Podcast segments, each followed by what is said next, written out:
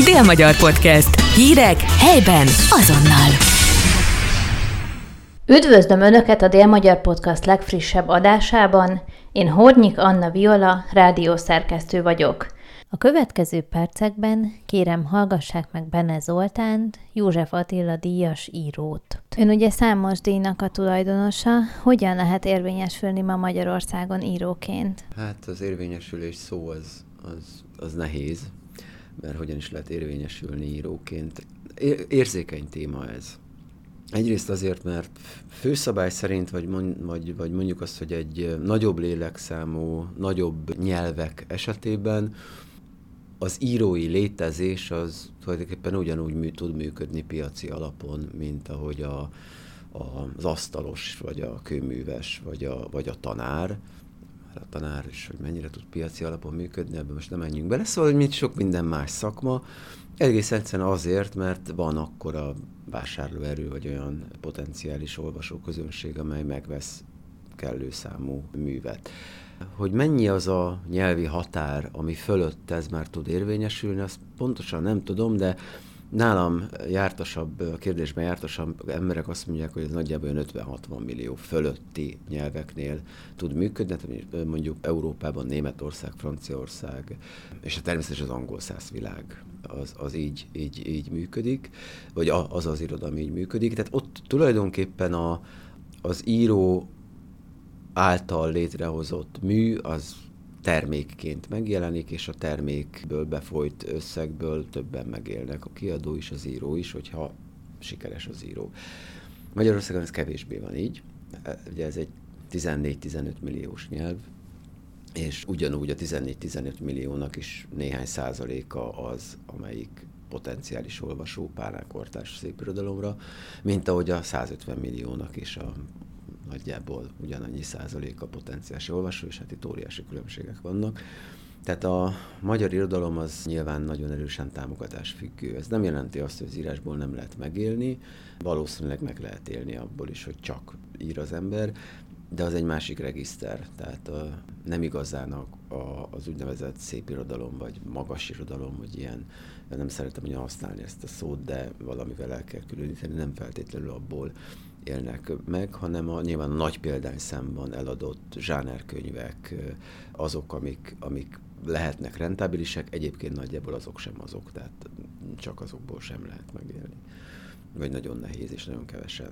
Tehát az érvényesülés, hogyha a, a megélhetés szempontjából közelítem, akkor piaci alapon irodalomból nem nagyon működik. Viszont hát különböző támogatási rendszerek vannak, mindenféle ösztöndíjrendszerek, mindenféle egyéb az irodalomra ráépülő tevékenységek, szerkesztőségek, kiadói szerkesztőtől kezdve a folyirat szerkesztőn át, kulturális újságírói léten keresztül sok minden van, ami oda kötődik és oda kapcsolódik, és így a több, több lábon ösztöndíjak, támogatások, szerkesztői létezés, esetleg oktatás, így ez már, így, így ez már kiad egy, egy megélhetést is.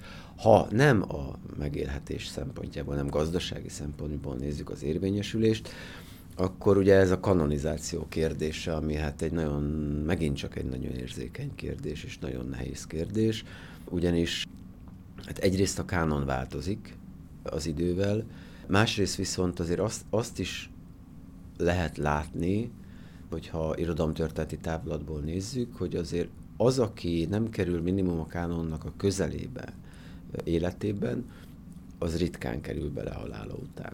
Tehát vannak ilyen nagy kánonon kívüliek, mint mondjuk Madács Imre, aki életében utolsó, hogyha már Madács 200 van egyébként Petőfi 200 mellett, Madács Imre az utolsó hónapjaiban került be a kánonba, de akkor is egy kicsit olyan, hát olyan, olyan furcsa módon aztán utána azóta természetesen ott, ott van. De azért általában a kánonból kikerülni, sokan kerülnek ki, de bekerülni haláluk után sokkal kevesebben. Ezért is, hogyha ilyen szempontból nézzük az érvényesülést, akkor ez is egy nagyon nehéz kérdés, hiszen mi, mi által kerülhet be valaki a kánonba? Hát például a, mondjuk a díjak által, a díjak egy kánonképző tényezők, de persze ez sem igaz így, mert nem jelenti azt, hogy aki ilyen vagy olyan díjat megkapott, az egyértelműen benne van a kánonba. de nyilván valamilyen szintű szakmai visszajelzést jelent, vagy valamilyen mértékű szakmai visszajelzést jelent, és ez természetesen kihat a szakmai renoméra és a szakmai érvényesülésre. De alapvetően azt gondolom, hogy Magyarországon, vagy Kelet-Európában, Kelet-Közép-Európában elsősorban folyiratirodalom van. Tehát a legitimáció, a, a szakmai ságnak az elsődleges legitimáló tényezője azok a folyóiratok amiből van egy pár tucat rangos folyóirat magyar nyelven, és aki ezekben megjelenik, vagy ezek nagy részében megjelenik, az tekinthető vagy, vagy jellemzően azt tekinthető elismert, vagy hát író, szépírónak, olyannak, aki, akire ezt lehet mondani, hogy na, ő, ő egy minőséget képvisel. Persze ez sem igaz így mindenkire és minden esetben, de nagy vonalakban erről van szó. De ha abból indulunk ki, amit az amerikai filmekben látunk, hogy ott hogy él egy író, akkor abból ne induljunk ki a magyar vagy a kelet-európai viszonyokban nálunk nem így él, tehát még a mainstream és nagyon népszerű, tehát olyan magas irodalmat művelő népszerű írók is, akiknek mindenki számára ismerősen cseng a neve, és viszonylag nagy példányszámokat adnak el, ők sem csak abból élnek, hogy írnak, hanem mellette szerkesztőként vagy egyébként dolgoznak, mindenféle ösztöndíjakat, támogatásokat kapnak, és, és így ebből a, a, a több lábbon állásból tudnak egzisztálni.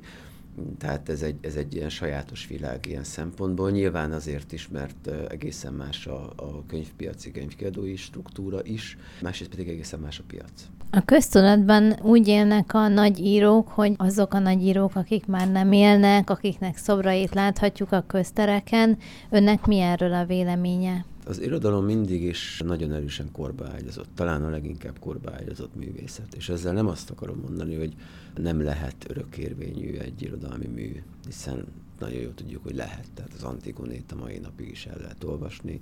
A mai korban is releváns és érvényes olvasatai léteznek.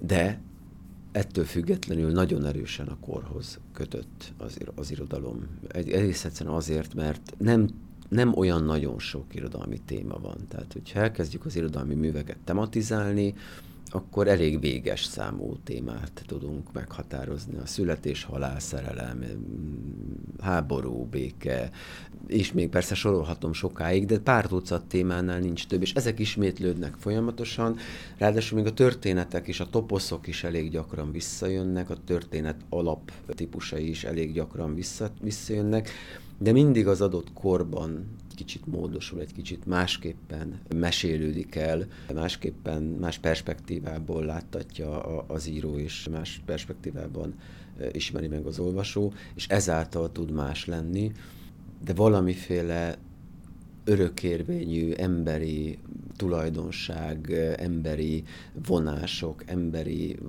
érzelmek, emberi gondolkodásmód, az, az ha megjelenik benne, azt meg tudja ragadni az író, akkor az, az későbbiekben is érvényes lehet és, és, és élvezetes lehet.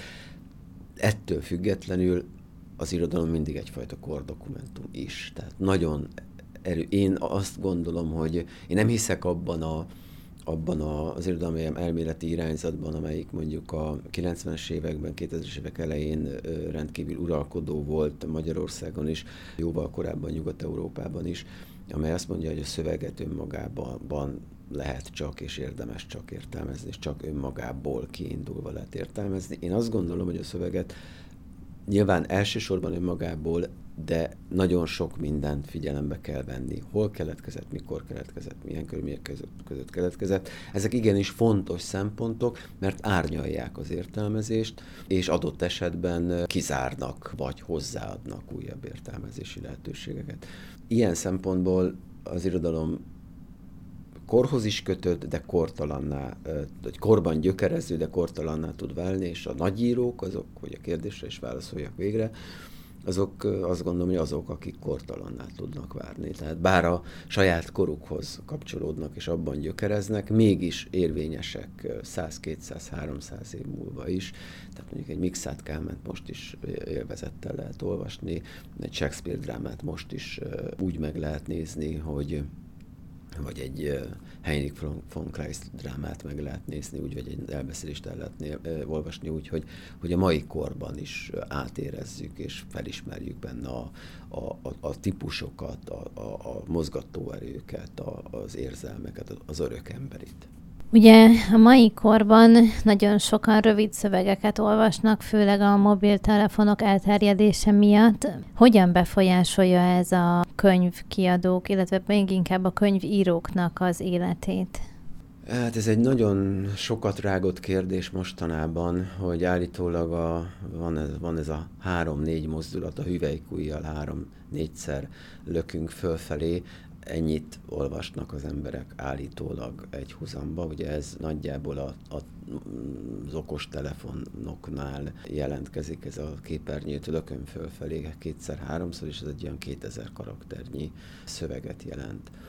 Ugyanakkor viszont azt is lehet látni, hogy az ember bemegy egy könyvesboltba, akkor különösen az úgynevezett young adult irodalom esetében, ami rendkívül népszerű és elég nagy olvasótábora van, hát igen vaskos köteteket lehet látni. Tény, hogy ez sokszor a kiadó mesterkedésének köszönhető, tehát mondjuk egy hagyományosabb megjelenés formában ez egy 150 oldalasnál nem lenne több az a regény, de hát mivel vaskosnak kell lenni, ezért olyan papírra, olyan betűtípussal, olyan tükörrel nyomják, hogy vaskos legyen, de az látszik, hogy, hogy, hogy, ezek, népszerű, hogy ezek népszerűek. Az is látszik, és ez sem új jelenség, hogy főszabály szerint az olvasó az nő. Tehát a nők azok, akik olvasnak, ez már jókai idejében is így volt. A, a férfiak lényegesen kevesebb történetet fogyasztanak olvasásban, tehát sokkal inkább információkat szereznek az olvasás által. Ugye, amit az olvasós szociológusok mély olvasásnak neveznek, az nem az információszerzési technika, nem az, amikor már a képzeletet, a képzettársításokat, az absztrakciós képességet és egy csomó minden képességet mozgat, moz, mozgatni kell ahhoz, hogy a szöveget értelmezzük és magunkévet tegyük, és egy filmet forgassunk a fejünkben arról, a, amit olvasunk. Ez az igazi olvasás, ezt én alkotó vagy teremtő olvasásnak szívesebben nevezem, mint még olvasásnak, hiszen az olvasó ugyanazt teszi ekkor, amit az író újra teremti a szöveget, és ezért van az, hogy minden irodalmi mű annyi, ahány olvasat, nem is ahány olvasó, hiszen hogyha egy olvasó többször olvas el, az is más és más olvasat, mert a saját fejében lévő, saját emlékezetében lévő, a saját adatbázisában lévő elemekből fogja összerakni a sztorit. Nyilván abból fog kiindulni, és úgy képzeli el, még a legtökéletesebb, legpontosabb leírást sem fogja két ember pontosan ugyanúgy elképzelni, mert más adatbázis, más, más, más emlékképekből dolgozik. Szóval ellentmondásosnak tűnik ez, hogy egyfelől látható, hogy a rövid szövegek azok, amiket úgy tűnik, hogy olvasnak másfelől, viszont hát van egy csomó könyv, ami, ami, ami hosszú, nagy, súlyos, vaskos művek, és mégis van rájuk kereslet. Nyilván én nem tudom ezt feloldani, ezt az ellenmondást. Én azt gondolom, hogy, hogy talán kicsit a korábbi években felül volt reprezentálva az olvasás, tehát azt gondoltuk, hogy többet olvastak eleink, mint a, mint a valóságban amennyit olvastak. Most meg talán alul van reprezentálva az olvasás, tehát szerintem most is nagyjából a társadalom annyi százaléka olvas, mint amennyi százaléka olvasott száz évvel ezelőtt. Aztán az, hogy mit olvas, az már megint egy másik kérdés, ami rendkívül messzire vezet, de azt hiszem, hogy ha bármilyen zsánert, lektűrt, ponyvát olvas valaki, az is sokkal jobb, mint hogyha egyáltalán nem olvas. Egyszerűen azért, mert a képzelő erejét, a fantáziáját karban tudja vele tartani, és nem véletlenül használom a képzelő erő kifejezést a fantáziára, mert az erő benne van, és ez tényleg ugyanolyan, mint az izomerő. Lehet elsorvasztani, és lehet fejleszteni, lehet edzeni, és lehet karban tartani. Így van ez is. Tehát, hogyha valaki a fantáziáját, a képzelő erejét, ami egyébként igen szoros összefüggésben és kapcsolatban áll mondjuk a kreativitással, ami napjaink egyik kulcsfogalma, karbantartani, fejleszteni akarja, azt legkönnyebben az olvasás által tudja megtenni, és itt már majdnem mindegy, hogy mit olvas, hogyha az történet. Nyilván, hogyha úgymond magas irodalmat, szép irodalmat olvas, akkor nem csak a, nem csak a, a vizualizációját tudja fejleszteni, hogy el tudjon képzelni dolgokat, hanem a képzett társításokat, az asszociációs hálót, a, a, a, a többdimenziós gondolkodást, ami rendkívül fontos, hiszen azért Herbert Marcuse írta az Egydimenziós ember című kötetben, egy rénkebb kötetében, ami egy egy filozófiai bestseller volt a maga idejében a 60-as években, és hát a mai napig nagyon sok érvényes megállapítást tartalmaz. Valóban egy rendkívül egydimenziós világban élünk, egyszerűen olyan, mintha fekete-fehér lenne minden, és mintha a leírt szónak, vagy kimondott szónak csak egyetlen jelentése lenne, holott nem csak egyetlen jelentése van. És itt most nem arra gondolok, nem relativizálni akarok, nem arra gondolok, hogy a fekete lehet fehér is, meg fekete is, nem erre gondolok, hanem arra gondolok, hogy ha, ha mondjuk egy parabolát elmond valaki, akkor azt fel kell ismerni, hogy ez parabola. Tehát nem, most ebben rendkívül divatos az például, hogy a, a, a Biblián gúnyolódnak, hogy milyen mesekönyv és hogy milyen nevetséges az egész, mert hát, hát, hát hülyeségek vannak beleírva, hát az ott nem lehet ez egy tipikus egydimenziós gondolkodás. Tehát, hogyha nem ismerem fel, hogy az parabola, hogy az szimbolikus beszéd, hogy az mitológikus beszéd, hogy ott, ott, ott, ott egészen másról van szó, hogy a, az, az, az nem szó szerint értelmezés, nem is lehet szó szerint értelmezni, vagy aki szó szerint értelmezi, igazából magáról állít ki szegénységi bizonyítványt, akkor nincs miről beszélnünk. Beszéljünk egy kicsit az Igazak című regényéről. Ugye, ha jól tudom, akkor ez három történeti időszakban játszódik, történelmi időszakban, a 19., a 20., illetve a 21. században, és ezen belül is a 20-as, 30-as években. Miért pont erre az időszakra tette a történetnek a cselekményét?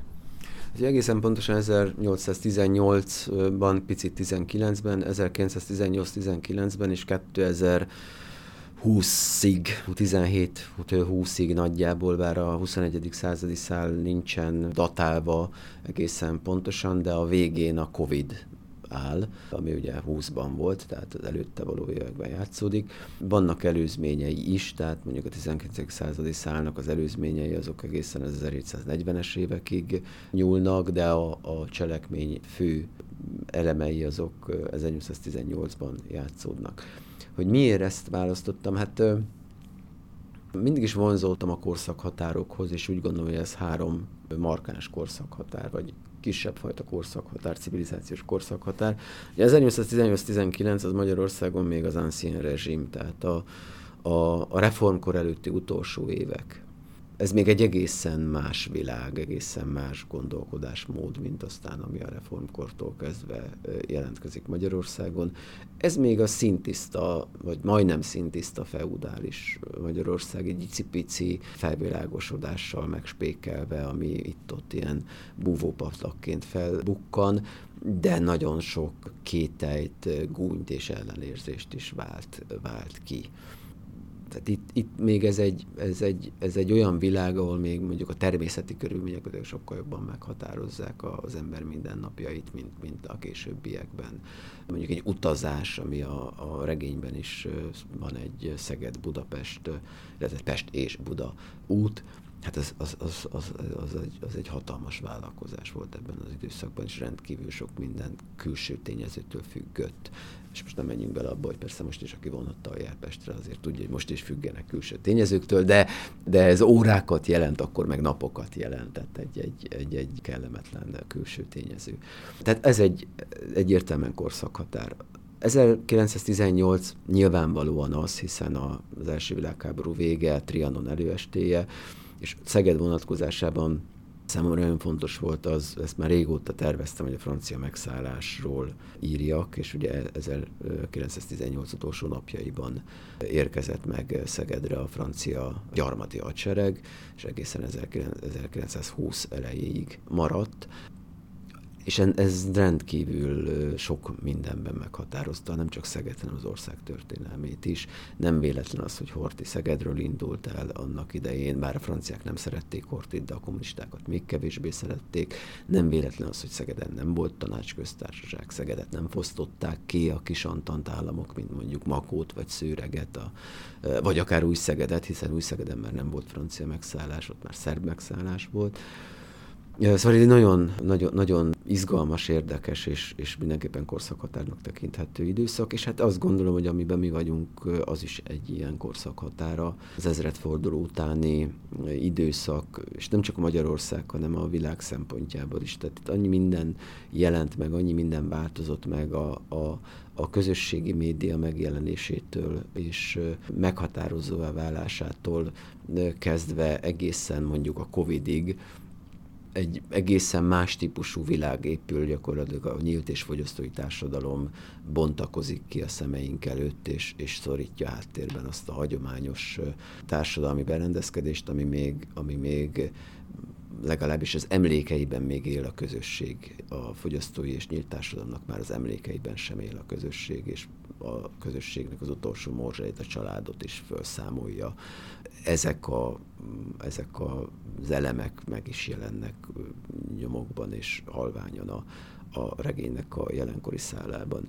Ugye egyébként a, a 19. századi cselekmény szál az, az tulajdonképpen egy kalandregény, a 20. századi az voltak éppen egy krimi, és hát a 21. századinak is vannak krimi elemei, és egy olyan toposzt, olyan irodalmi toposzt alkalmaztam, amit sokan alkalmaztak mások, pedig csak Umberto Eco-t, vagy, vagy Borges-t, vagy akár Ottlik Gézát említeni, ugye ez a talált kéziratnak a toposza, hiszen a 21. századi főhős Igaz Gergő találja meg a 19. századi ősének, igaz Gergelynek a naplóját, és ez alapján írja meg igaz Gergely történetét. Nem a naplót adja közre, hanem a napló alapján a történetet, ami aztán kiderül, hogy igazából nem is az a történet, mert sok mindent kiegészít vele, ugye ez megint csak, hogy a valóság és a fikció viszonya, egyébként szerintem az életünkben is hasonlóan működik a valóság és a fikció viszonya. Gondoljon csak bele bárki, hogy mondjuk tíz évvel ezelőtti fontos meghatározó élményekre, visszaemlékszik, és meghallgatja mondjuk abban az, az emlékben szereplő más embereknek a visszaemlékezését, akkor biztos, hogy fontos pontokon eltérések lesznek, és ez nem azért, mert torzítani akarunk, hanem egyszerűen így működik az emlékezetünk, így működünk mi magunk és hát a, a, a 20. századi történetet pedig szintén ez a 21. századi főhős írja meg, de ott nem egy talált kézirat, hanem különböző dokumentumok alapján próbál rekonstruálni egy sztorit, amit szintén a hézagokat a saját fantáziájával tölti ki. Budapesten, Szegeden, Deszken és még számos más helyen volt a kötetnek már bemutató beszélgetése. Milyen volt a fogadtatás? Hát ezek a könyvbemutatók mindig érdekesek, főleg így, amikor így sok van egymás után, és mások a beszélgető partnerek, mert mindig más és más hangsúlyok kerülnek elő, más-más kérdések jönnek, és bennem is nyilván formálódik, és alakul a, a hozzáállás a, a könyvhöz, más szempontok merülnek fel, sokszor én is gondolkodom, vagy elcsodálkozom bizonyos meglátásokon, hogy tényleg igen, ezt akár így is lehet. Eddig úgy tűnik, hogy jó volt a, a, a fogadtatás. Ugye nyilván ez egy nagyon erősen Szeged regény, hiszen nagyon, bár az én esetemben ez majdnem mindenről elmondható, hogy nagyon erősen Szeged-centrikus, de ettől függetlenül szerencsére azok a visszajelzések a nem szegediek részéről, hogy ez nem zavaró, tehát abszolút otthonosan tudnak mozogni ebben a szegedi világban, nem szegediként is, és nem, nem, nem érzik magukat idegennek, ami, ami, ami hát egy cél, célom volt. Illetve az is jó, hogy a, a, az, amit a, Horváth Bence, a, a kiadói szerkesztő mondott, amikor először végigolvasta a kéziratot, hogy megrendítő, az többektől visszajött az olvasóktól, és ez is jó, mert ez is egyfajta cél volt, hogy, hogy, hogy, hogy legyen egy, egy ilyen megrendítő hatása, hogy ú, egy ilyen, ilyen, ilyen, ilyen élmény, hogy igen, ez, ez, ezek, ezek, ezek olyan dolgok, amin érdemes elgondolkodni, azt hiszem, hogy az irodalomnak egyet tudok érteni Sándor Zoltán barátommal, aki nemrégében egy interjúban nyilatkozta, az irodalomnak nem feladata válaszokat adni és tanítani az irodalomnak kérdéseket fel, felvetni. Igazán ez a, ez, a, ez, a, ez a feladata, és azt gondolom, hogy teljesen igaza van, és hogyha elgondolkodtatunk embereket, de akkor az egy jó dolog. Persze azért azt is hozzá kell tennem, és ez is hál' Istennek visszajelzések megerősítettek, hogy ezért nem arról van szó, hogy folyamatosan, amikor olvas az ember, akkor csak gondolkodik, és töpreng, és, és, és megrendül, hanem azért van egy, van egy sodrása, meg a történet talán izgalmas is mind a három történet, tehát azért szórakoztat is a regény reményeim szerint. Bene Zoltánt, József Attila díjas írót hallhatták. Ez volt a Dél-Magyar Podcast legújabb adása, Hornyik Anna Viola beszélgetett. Dél-Magyar Podcast. Hírek helyben azonnal.